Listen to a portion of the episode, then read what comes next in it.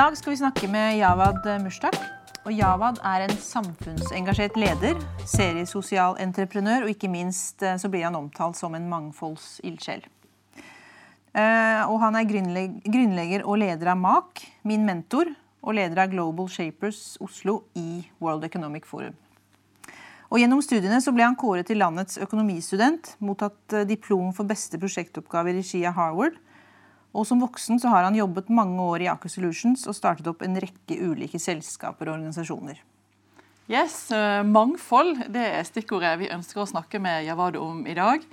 Uh, og Han sier har vi hørt, at mangfold er et ubenyttet potensial, og at vi i Norge henger etter. Og Forskning viser jo at selskaper med høy grad av mangfold er mer lønnsomme, de er mer innovative og kreative og bedre på problemløsning. Og selskap med høy andel av mangfold er også bedre rustet i møte med kundene sine. Så Det som vi er nysgjerrige på i dag, da, det er å snakke med Javad om hvordan næringslivet i Norge kan bli bedre på mangfold, eh, og hva som skal til for å lykkes på dette feltet. Velkommen til oss, eh, Javad. Takk, takk. Veldig hyggelig. Du eh, har jo inspirert mange unge til å tenke stort. Eh, og du startet jo som gründer allerede som 13-åring eh, og har fått til eh, mye i ung alder som, som mange ikke kan måle seg med. Så jeg har lyst til å spørre deg litt sånn, først og fremst, Fortell om, litt om deg selv og reisen din. Ja, ja det, det, er jo mange faktorer som spiller inn i, i, hvor du ender opp hen. Så uh, mye av drivkraften jeg har fått, har jo kommet fra, fra, min familie og mine foreldre. Uh, mine foreldre var jo en del av den store immigrasjonsbølgen uh, tidlig på 70-tallet. faren min han var utdannet ingeniør fra, fra Punjab i Pakistan. og i en alder av 21 så sa han at han skulle forlate landet fordi han ønsket å skape en bedre fremtid. Så han bokstavelig talt bare pakket en koffert, flipflopper og litt utstyr, og så tok han bussen gjennom Iran, Tyrkia, Tyskland, og så han, han skulle egentlig til Danmark først. Eh, men så tror jeg det var stopp for immigrasjon der. Og Norge hadde nettopp funnet oljen. Eh, og det skapte jo mange nye arbeidsplasser. Eh, så det var hans mulighet til å komme til Norge. Og på det tidspunktet var det morsomt, da, fordi de tok jo bare båten fra Tyskland. Og så stoppet de utenfor rådhuset, og så bare gikk de ut på brygga. Så sto det en gjeng med folk med innvandrerbakgrunn eh, wow. og skulle søke jobb. Wow. Så, så, han kom hit i, i tidlig på 70-tallet. Eh, forsøkte å, å, finne seg relevant jobb, for du måtte ha jobb for å få oppholdstillatelse.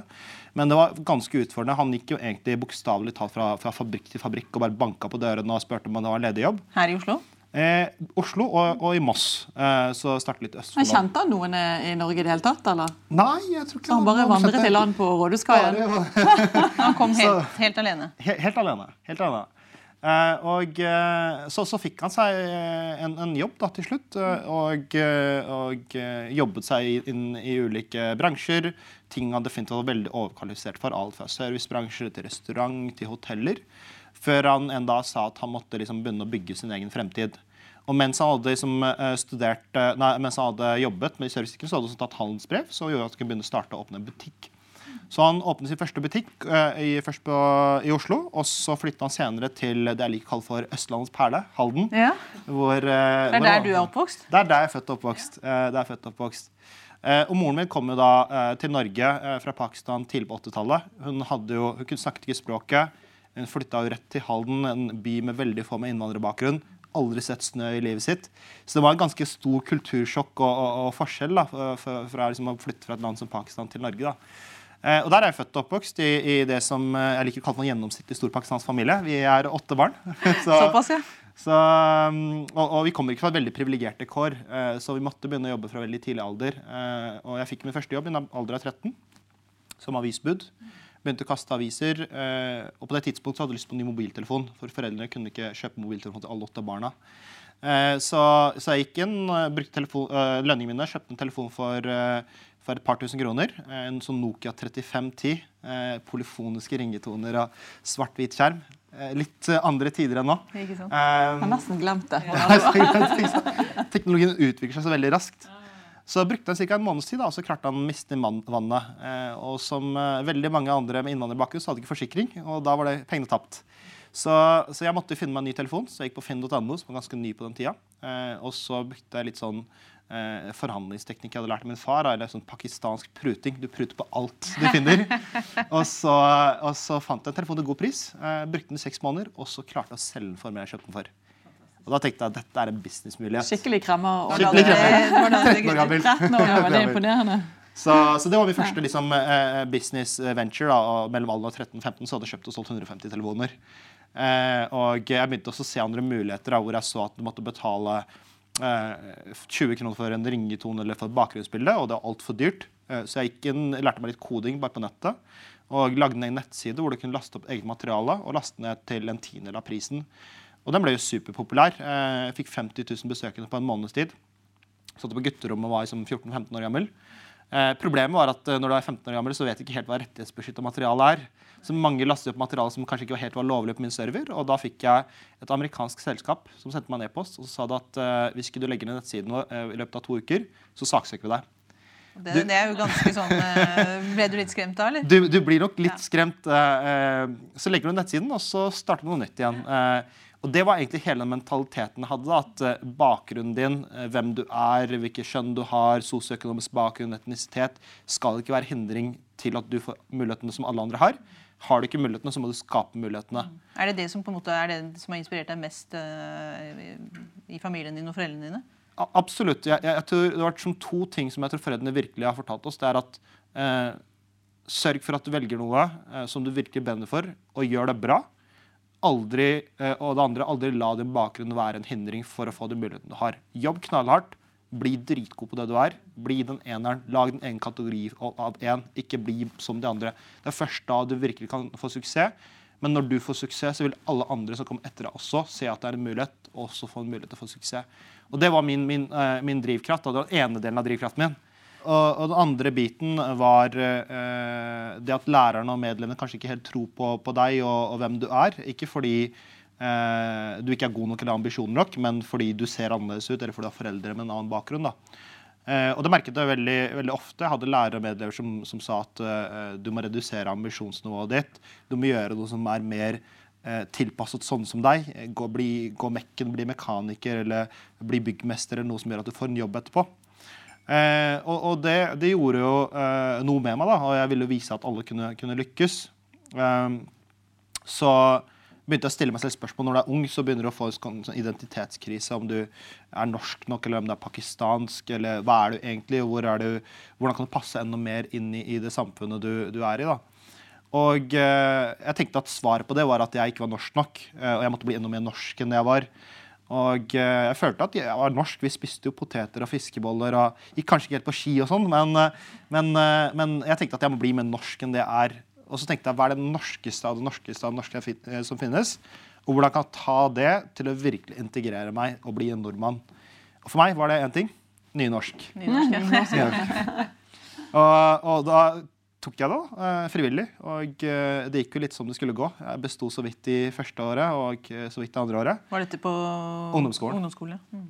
Og siste året, før tentamen i 10. klasse, sa at jeg skal vise at jeg kan også beherske dette moderne nynorskspråket som er så ekstremt viktig for å lykkes i næringslivet. I hvert fall det læreren fortalte meg. Så satte jeg meg ned og gjorde en sånn modernistisk tolkning av et nynorsk eventyr, og så endte jeg opp med å få best karakter i klassen. Og så kom en gammel lærer inn bort til meg og sa at det kan ikke stemme at du har fått den karakteren her. Så mens jeg leste rettelsen, så bare dro den ut fra hånda mi og sa at jeg må ta den tilbake og rette den på nytt. Men det kan ikke stemme at du har skrevet dette her? det var veldig ja. Og, Fordomsfullt. Ja, ja men, men, og, og, og, sånne hendelser når, når, lærerne sier ofte at du må, jeg måtte lese prøven din to ganger fordi jeg trodde ikke at en med din bakgrunn kunne få karakteren her. Hva gjorde det med deg? Nei, også, jeg synes Det er helt utrolig at du liksom klarte å ikke bare begynne på snekkerlinjen. Ja. Sånn som de mente du altså, hva, var som, hva, var det som, gjorde at du klarte å ja, komme videre? Ja. Det trigget meg litt. da. Fordi jeg tror at det er liksom to måter å svare på det ene at du bare blir irritert, som er helt naturlig for en ung person, og kanskje skriker litt tilbake og sier at det stemmer ikke. Men det vil ikke skape en endringseffekt hos de, de personene. Vil du bare si at ja, men se her, vi visste at du var en sint, ung eh, innvandrerbarn. Eh, dette her bare beviser akkurat det vi trodde det var. da.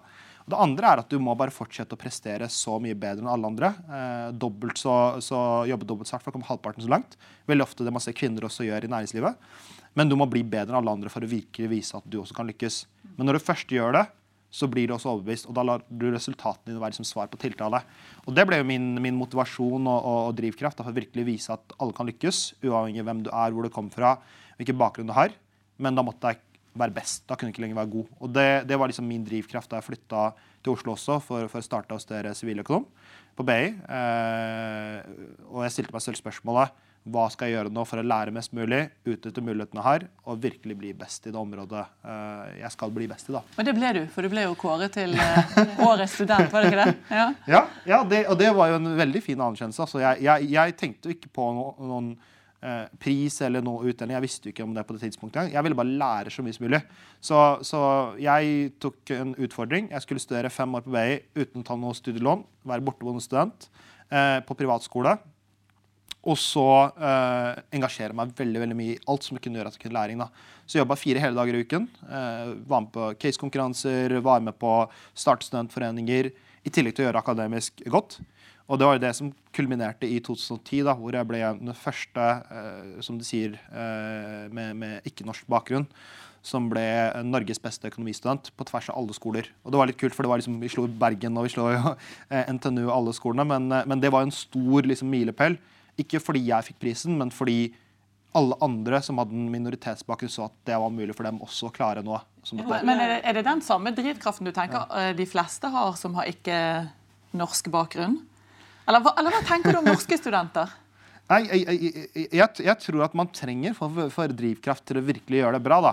Eh, jeg tror det er en interessant balanse. Jeg tror veldig mange norske studenter vi er jo veldig privilegerte. Eh, vi er jo født i et eh, velferdssamfunn med alle goder. Og det betyr at uansett om vi ikke gjør det så veldig bra, så er det alltid mulighet for oss. på en eller annen måte. Og det gjør at vi kanskje ikke er sultne nok. Og jeg føler at veldig mange av de internasjonale som kommer til Norge, eller folk med minoritetsbakgrunn, folk som følger seg med sånn, sånn en underrepresentert gruppe, eller kvinner, er mye mer sultne på suksess. Og jeg tror den drivkraften virkelig er med på å, å skape de eksepsjonelle resultatene. Men jeg sier ikke at historien min er eh, representativ for alle med minoritetsbakgrunn. Vi ser også en vanvittig stor gruppe som faller ut på videregående skole i dag. Eh, jeg hadde en veldig sterk eh, liksom drivkraft. Jeg hadde en, en, sterk syke. Jeg var veldig drevet til å, å, vise det. Jeg sier ikke at det er en mulighet eh, og en måte alle må gjøre, men jeg tror det er veldig viktig å vise at du kan lykkes. Og da trenger du noen rollemodeller som tar det første steget som, som banevei. da. Og det ble jo litt sånn eh, eh, videre for min del også, når vi fikk både den Harvard-prisen og, og, pris for beste masterclass, så følte jeg som nå var jeg virkelig esset mitt. da. Og så kom jeg ut i næringslivet eh, og skulle søke jobb, og noen ganger ble jeg headhunta, og noen ganger skulle jeg liksom, undersøke om jeg fikk jobb. da. Og så møtte jeg på et ekstremt konservativt næringsliv som rekrutterte veldig tradisjonelt fra de samme stedene, veldig mye fra de samme skolene om det var bevisst eller ubevisst. Eh, konsekvensen var likevel at man endte opp med veldig homogene grupper. Da. Fortell mer om det. eller Hva, hva, hva, hva møtte du? liksom? Hvordan? Nei, også, Jeg møtte alt fra, fra folk som, som, bare tvilte på, på eh, det at jeg kunne, kunne lykkes. da. Eh, men også, jeg fikk jo spørsmål, og dette er jo egentlig uh, ting som jeg ikke føler har vært noe, noe, noe som jeg ikke snakker så veldig om. Jeg, jeg drikker f.eks. ikke alkohol. Men eh, jeg skrev masteroppgaven min innenfor shipping, og vi gjorde en, eh, det ble jo beste, korte beste masteroppgave. Eh, og da var det en del shippingbransjer som sa at vi trenger mer mangfold. Sånn som det er bra talenter å ha med. Og jeg sa ja, men det er bra, det er bra, du tenker på mangfold. Og, og, og, så, og så sier han til meg ja, men du drikker ikke, ikke sant? Så sa jeg hva har det med saken å gjøre? Nei, men du vet i det programmet her da, så vil det være 15 andre personer du tror ikke de 15 andre vil bli ukomfortable fordi du ikke drikker. Det burde heller vært Og da tenkte da tenkte jeg liksom mm, Jeg har ikke noe problem med at folk drikker, bare drikker vei. Men, men, det er kanskje ikke beste rekrutteringsstrategien sant, for å tiltrekke talenter. Og jeg kan nevne mange historier uh, på sånne tilfeller, og det gjorde at jeg ble litt pessimist og flytta ut fra Norge. Så jeg, flyttet, jeg tok et friår etter masteren min. Jeg flytta til USA. mange år siden er det? Uh, dette er i 2012. Og så begynte jeg å jobbe eh, som praktikant, frivillig ubetalt for, for, UD i Houston. Prøvde å søke meg jobber i USA, hvor det var veldig vanskelig fordi du ikke hadde en, en arbeidstillatelse. Og Så kom jeg tilbake til Norge, og jeg ville komme ut igjen. Så jeg startet i energibransjen, eh, i Aker Solutions-systemet, i det som het International Talent Program. På det tidspunktet var det kåret til beste trainee-programmet i Norge. Og to uker etter jeg startet programmet, så flytta jeg til Malaysia. Så bodde jeg i Malaysia et år, så bodde jeg senere i Brasil, og så bodde jeg i USA og i England. Og jo mer jeg begynte å reise, og jo mer jeg begynte å eksponere meg, jo mer begynte jeg å forstå at jeg snakker flere fem språk, flerkulturell forståelse i tillegg til å ha faglig sterk kompetanse, var egentlig et stort fortrinn. Når jeg jobbet i Malaysia, så fikk jeg en, en troverdighet og tillit blant de lokalansatte som andre toppledere ikke klarte å få, fordi man var så stor distanse. Og det var da, når jeg flyttet tilbake til Norge i rundt eh, 2014-2015, at jeg begynte å stille meg spørsmålet eh, Har vi i Norge virkelig misforstått konseptet rundt mangfold? Det vi gjør i Norge at vi har veldig sånn negativ narrativ rundt det her, enten det er rundt kvinner eller folk med etnisk minoritetsbakgrunn, og så putter vi dem i en form for bås. Og så prøver vi å integrere den gruppen inn i arbeidslivet eller i samfunnet. Eh, nesten sånn stakkarsliggjort narrativ. Og for meg var det der, er, der, er vi, Ja. der føler du at Eller på en måte erfaringen fra utlandet ja, er, er, Hva er største forskjellen på, på Norge og ja. Men Var det det som eh, inspirerte deg til å starte MAK? Ja, ja, og det var akkurat det som inspirerte meg. Ja. Jeg, kan, jeg kan fortelle både, eh, jeg kan komme tilbake til noen erfaringer fra internasjonalt senere, men, men det var det som jeg sa, at hvordan kan vi endre det narrativet? Og da er det viktig for meg at jeg ikke bare sier at mangfold er bra, men jeg må fortelle om hvorfor det er bra, og hvorfor det er lønnsomt for, det, for, for norske virksomheter i en stadig mer eh, mangfoldig samfunn, men også en mer global eh, verden, hvor vi må eksportere våre løsninger. Og eh, da sa jeg at eh, hvordan kan vi begynne å bygge et nettverk eh, rundt mangfoldige talenter som vi føler er underrepresentert? Bidra til å klargjøre dem og gi dem verktøykasse og gi dem muligheter for at de lykkes. Men jeg gjorde en stor feil der, jeg også. Fordi jeg eh, begynte å rekruttere mine fem nærmeste venner til nettverket. Alle med andregenerasjons norsk-pakistansk bakgrunn, siviløkonom fra BI, fra Oslo øst. Og det er jo ikke mangfoldet heller. Det er ikke mangfold i det hele tatt. Vi ser eksotiske ut Ja. utenfra, men det er jo ikke mangfold i det hele tatt. Og det, det, det realiserte vi ganske raskt. Vi snakker til en gruppe som eh, trenger å snakke med en bred gruppe, så vi utvidet nettverket. Vi begynte også å ta med folk med alle andre bakgrunner, men også majoritetsbakgrunn. Eh, og så begynte vi å stille oss spørsmålet hvordan kan vi aktivt sørge for at folk forstår at dette er lønnsomt.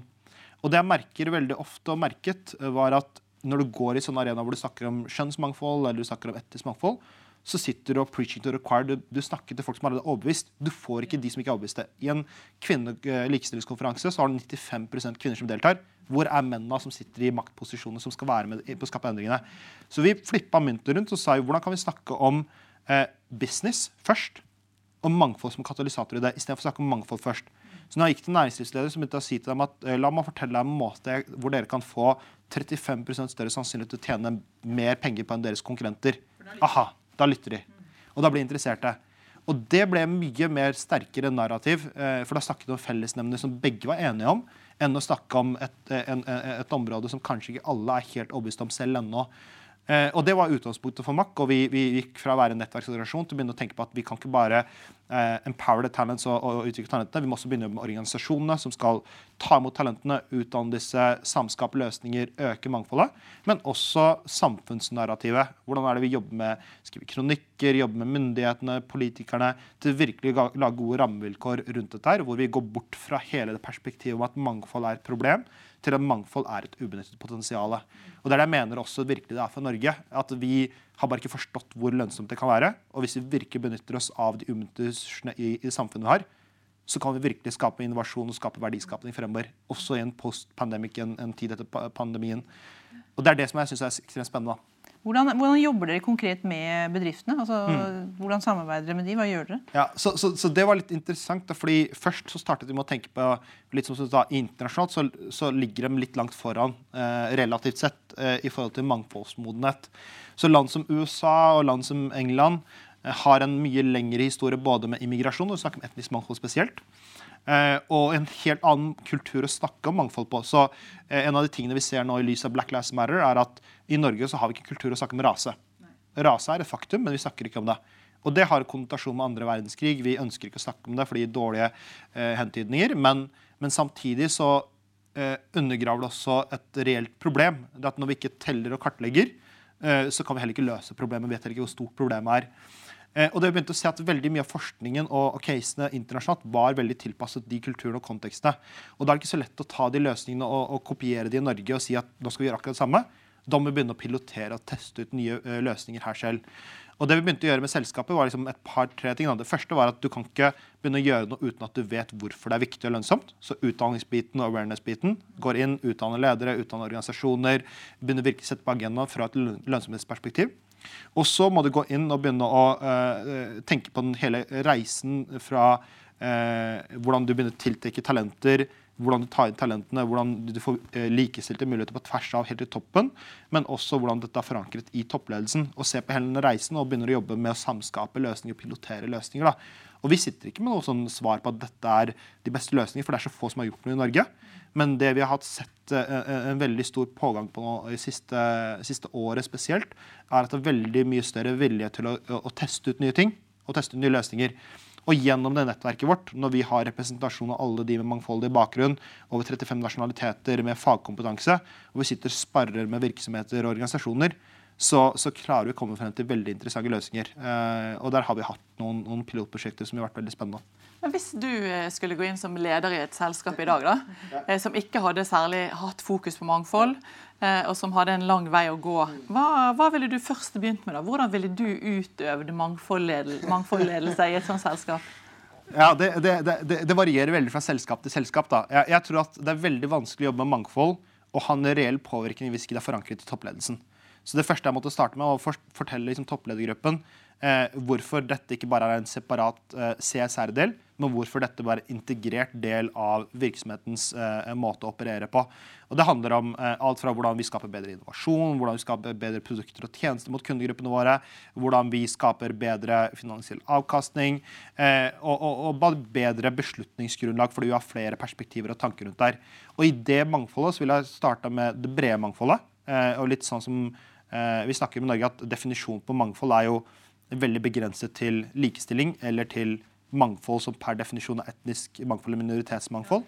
Mens i realiteten er at mangfold er egentlig alle elementer som gjør oss ulike. Eh, det kan være, Hvis vi deler opp i to grupper, da, eh, vi kan dele på mange ulike grupper, så kan det være ting du er født med. Det kan være din alder, det kan være kjønn, det kan være etnisk, etnisk opphav. Men det kan også være ting du tilegner deg. Eh, kompetanse, fagbakgrunn, karrierevei. alt dette her. Og Forskning viser jo at det er kombinasjonen av begge disse to som virkelig skaper en, eh, et reelt fortrinn i forhold til innovasjon og avkastning. Og Der vil jeg liksom satt og, og, og prøvd å få dette til å være en, en, en uh, viktig forankring i toppledergruppen. Og så måtte begynne å jobbe systematisk med dette her, uh, med en handlingsplan på dette her, hvor man starter med datagrunnlag.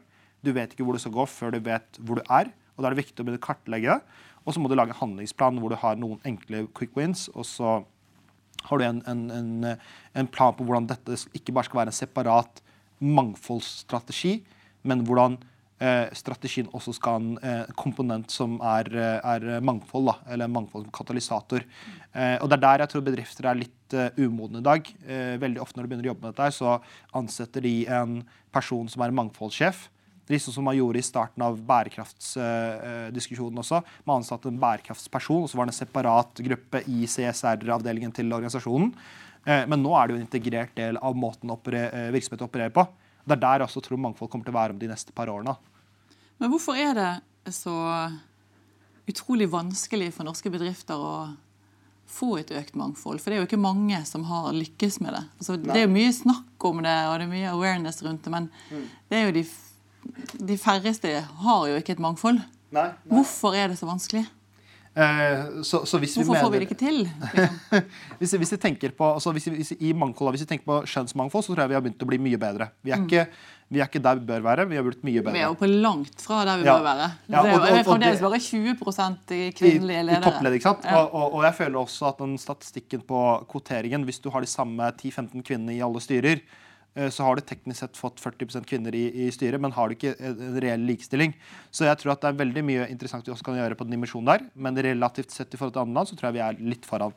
Lang vei å gå fremdeles.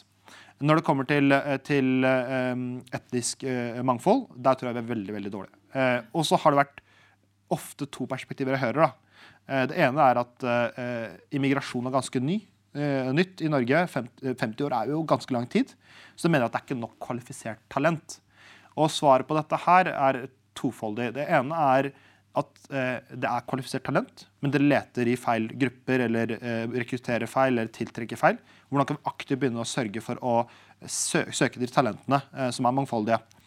Og det andre er hvis det er et faktum at det ikke er mangfoldige talenter, Hvilken, eh, hvilket ansvar har du som bedrift til å aktivt jobbe med å bygge opp en pipeline av kandidater som kan ta de topplederstillingene om fem eller ti år? Og Der har virksomheter en mer sånn langsiktig strategi og en prosess de også må jobbe med. Eh, og så har eh, man eh, veldig på en måte liksom bare sky- skyvd det under teppet ved å si at det er vanskelig å måle mangfold. Vi vet ikke hvordan vi skal definere det, vi vet ikke hvordan vi skal måle dette her. Ergo vil vi heller ikke velge å gjøre noe med dette her. Men det er altfor lett unnskyldning. Men det, er jo som, det tyder jo da på mangel på kunnskap, egentlig. da.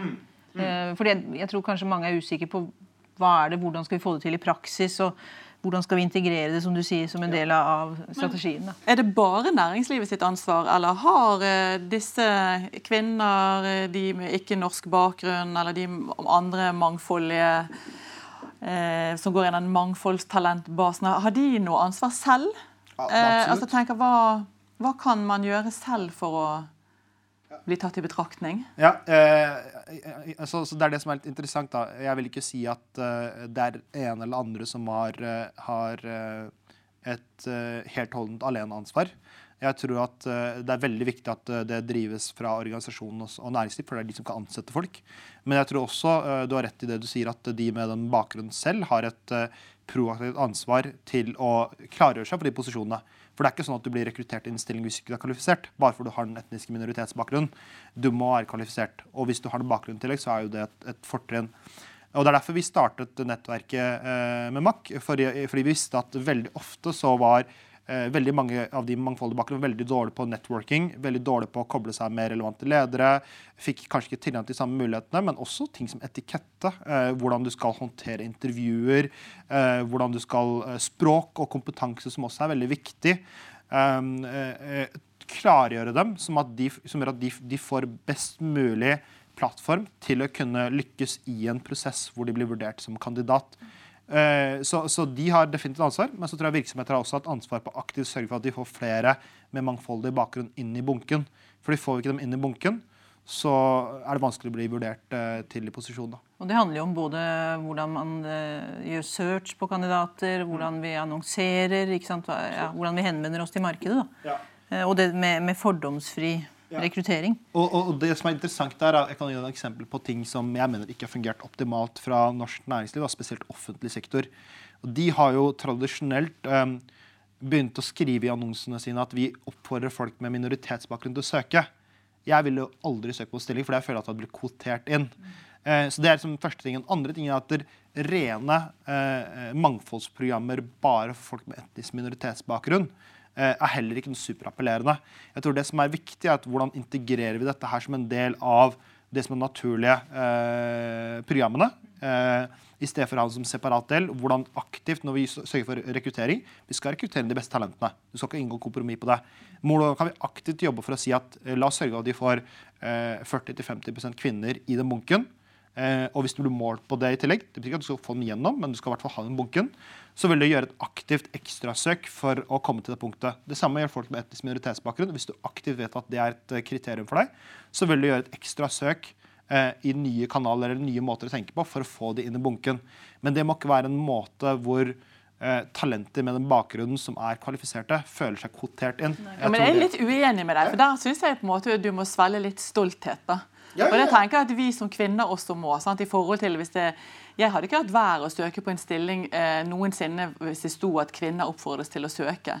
Og jeg tenker at eh, nettopp det at vi har kvotert inn kvinner, det at vi har laget en lov om at det skal være minst 40% kvinner, det har ført til et økt mangfold. Så jeg tenker at eh, kvotering også er bra, og kvotering kanskje må til for at og vi skal bevise at det faktisk funker. Og, og, og det, jeg, jeg tror du har rett i, i, i det når det kommer til kvotering som mekanisme for å få opp eh, andelen på, på ja. kort sikt. Det, det jeg mener med, med en kvoteringsregel som ikke har fungert, og litt som jeg nevnte i sted, at hvis du ender opp med å få la oss si styre da, de samme kvinnene, så har du ikke oppnådd reell Nei, likestilling. nei, det er enig med det. Eh, og det andre, andre jeg tenker på er at og, og det har vært liksom mitt viktigste punkt. um, det er at du skal aldri inngå kompromiss på kompetansekrav for å få det grønne. Og hvis jeg hadde følt at jeg hadde blitt rekruttert inn på kvoter kvotering fordi jeg har en etnisk minoritetsbakgrunn ikke fordi jeg har en relevant fagbakgrunn, da mener jeg det er feil. Ja, det er enig så, så, så, så vi er, vi er Men det handler jo om at man, liksom, man er kvalifisert all, under ellers lik likt, ikke sant? a- a- Absolutt. absolutt. Eller så jobbe aktivt med programmer som gjør at du begynner å bli kvalifisert til å komme til posisjonene. Men så jeg, jeg, liksom, jeg er litt mer for en for, for soft kvotering enn en veldig sånn aktiv hard kvotering. fordi det må jo også være en mulighet at virksomheter ikke blir, bare blir nå, nå må dere rekruttere 40 med den bakgrunnen her. Og så begynner du å ta en ikke-kvalifiserte kandidater. For til syvende og sist mener jeg at virksomheters også hovedmål er jo å, å skape business, skape avkastning for sine aksjonærer og for, for det samfunnet man er i. Og hvis du bare rekrutterer folk som ikke er kompetente eller kvalifiserte, eh, og ikke skaper god avkastning, så har du ikke business lenger. Mm, Så, så fins det mange måter å tenke på. Så et virkemiddel da, å, og et råd egentlig til bedrifter, det er jo på en måte å sette det som, integrere som en del av strategien, måle og rapportere på det. da. Absolutt. Og jeg, jeg tror at alt du kan måle, eh, kan du også liksom, ettersjekke. Eh, vi, er, eh, vi er litt redde for å sette inn eh, krav på mål eh, til, til eh, rapportering på dette. her. Jeg mener at det kan være en både mekanisme hvor man måler det på organisasjonsnivå, men også at ledere stilles til ansvar og for å ha en balanse. At du, din performance review også inneholder hvor god har du vært på å faktisk øke balansen på mangfold på de ulike dimensjonene. Hvis du vet at du vil måle på det, så vil du gjøre en ekstra på det der. Og da snakker jeg ikke om eh, en eller andre dimensjonen. Eh, det at du har en, en kvinnelig leder som har eh, 90% kvinnelige ansatte, da har det ikke balanse lenger. ikke sant? Så den balansen er ekstremt viktig på de, alle dimensjonene. Men, men hvis du begynner å måle dette her, så tror jeg du kommer til å få en helt annen effekt. enn at Jeg du bare det snakker det. det. Ja, jeg tror det må til og det må, det må integreres i hele, alle deler av organisasjonen. Absolutt. absolutt. Så eh, yes, eh, Men jeg er bare litt nysgjerrig på, fordi du eh, valgte da å reise ut av Norge i 2012. eh, Ja. Fordi at du opplevde at oi, her har jeg kanskje ikke muligheten. Så, Mm. men da du kom tilbake, Ja. etter å ha vært ute noen år, føler du liksom at Norge da sto på stedet hvil, eller hadde det skjedd noe? det var litt sånn jeg tenkte på. Nei, altså, altså det, det jeg så, var at eh, Norge hadde ikke kommet så veldig mye lengre. Men det var mye større villighet eh, til, eh, til å gjøre noe med det. Og så tror jeg likevel at vi har hatt en sakte progresjon, spesielt til etnisk mangfold. Men virkelig med Black Lives Matter, som skjedde nå eh, før sommeren, har gitt en, en helt ny liksom, push. da, Litt sånn som vi hadde med metoo-bevegelsen eh, for to-tre år siden. Eh, og kvinnekampen. Du fikk en virkelig boost og en sjokk. Eh, og det føler jeg også eh, etnisk minoritetsmangfold har begynt å, begynt å få nå. da. Og det er det vi ser også i virksomheter, at det er mye større vilje og interesse til eh, å, å gjøre noe med det. Vi har aldri hatt så mange virksomheter som har kontakta oss eh, for å se hva vi konkret kan gjøre, som vi har hatt de siste mm, fire til seks månedene. Ja, det er Eh, fantastisk. Så det, det, det, det viser at det er stor interesse, og det er stor vilje. Og det er super, superspennende. Sånn, ja, ja, viljen er der, så får vi bare håpe evnen er der også. Det er det dere skal For hva, er, for hva er visjonen din? Altså, hvis, når du ser at dette begynner å rulle litt mer, Ja. nå, hva, hva er visjonen din, og hva er visjonen til MAK? Hva Så, er så, det, det, det, det ultimate visjonen til Mack er at vi slutter å eksistere. For Ja. Da har vi nådd målet vårt. Yes, ikke sant? Da trengs Da- dere ikke mer. Ja, Ja, det fungerer av seg selv. Så, så inntil da så, så, så skal vi gjøre vårt for at eh, vi jobber med dette her. Og, og vi jobber jo da med å lansere et, et lederløfte for mangfold og inkludering. Eh, som vi ønsker at alle ledere i Norge eh, er med på å signere. Som er første liksom, steget for å virkelig gå fra å prate om det til å konkret forankre det i sine virksomheter. Og begynne å gjøre konkrete handlingsinitiativ. Eh, vi er godt på vei, men vi har eh, mye å gjøre. Eh, men dette er ikke bare et problem. Dette er også et vanvittig stort ubenyttet potensial. Og det er det vi må se på det som. Utrolig spennende og utrolig Lederløfte. viktig. Ja. Mm, lederløfte. Lederløfte. Ja, men det, Det skal vi vi være med på. oppfordre alle. Vi skal være med. Ja. Absolutt. Så bra. Det er, det er utrolig spennende og utrolig viktig det arbeidet dere, dere gjør. Så mm, vi nærmer oss slutten. Eh, Vi har vært innom veldig mye spennende. Har lært mer om eh, hva som eh, egentlig mangfold dreier seg om. Så, men etter å ha lø, eh, hørt og lest litt eh, av innholdet som du har delt, så går det tilbake til noen gjentagende setninger om eh, hvis du ikke feiler, så lærer du ikke, og du må utvide horisonten din. Så helt sånn avslutningsvis så har jeg lyst til å høre med deg hvilken feil var det du lærte mest av? Det er mulig du har nevnt det allerede, men Eh, altså det er litt vanskelig å si, da, for jeg tror folk, eh, når de ser på, på en persons karriere, spesielt eh, når det er basert på offentlige kilder, så ser du bare det positive. Men hvis jeg tar opp alle feilene jeg har gjort gjennom eh, både studiene og karrieren, så ville du eh, fått, blitt ganske overrasket. da. Så, så, så jeg tror at eh, det som har vært litt viktig for meg å anerkjenne, er jo at tid er på en måte en, en ting du ikke kan kjøpe.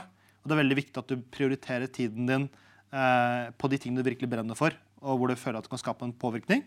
Og eh, det skader ikke å prøve og feile, og endre retning. Eh, vi lever i en verden som er i stadig endring. Livslang læring er eh, vanvittig interessant og viktig. Eh, feiling er ikke noe som er negativt. Det er læring, og, og det gir masse nye perspektiver som er bra for mangfoldet. Og det at du mistet telefonen din i vannet, har jo gitt deg, ga deg Mange muligheter. Ikke sant? Ja, det har vært utrolig inspirerende å snakke med deg, så takk for alt du har delt med oss. Tusen takk for at du lyttet. Og så høres vi igjen eh, i neste episode av Uten filter, som er den siste i denne sesongen, i desember. Og så gleder jeg meg Hilde, til å planlegge neste sesong sammen med deg veldig snart. Ja, så Da må vi gjerne få litt eh, innspill fra lytterne våre da, til eh, hva har dere lyst at vi skal snakke om, og med hvem. Så bare ta kontakt med Kristel.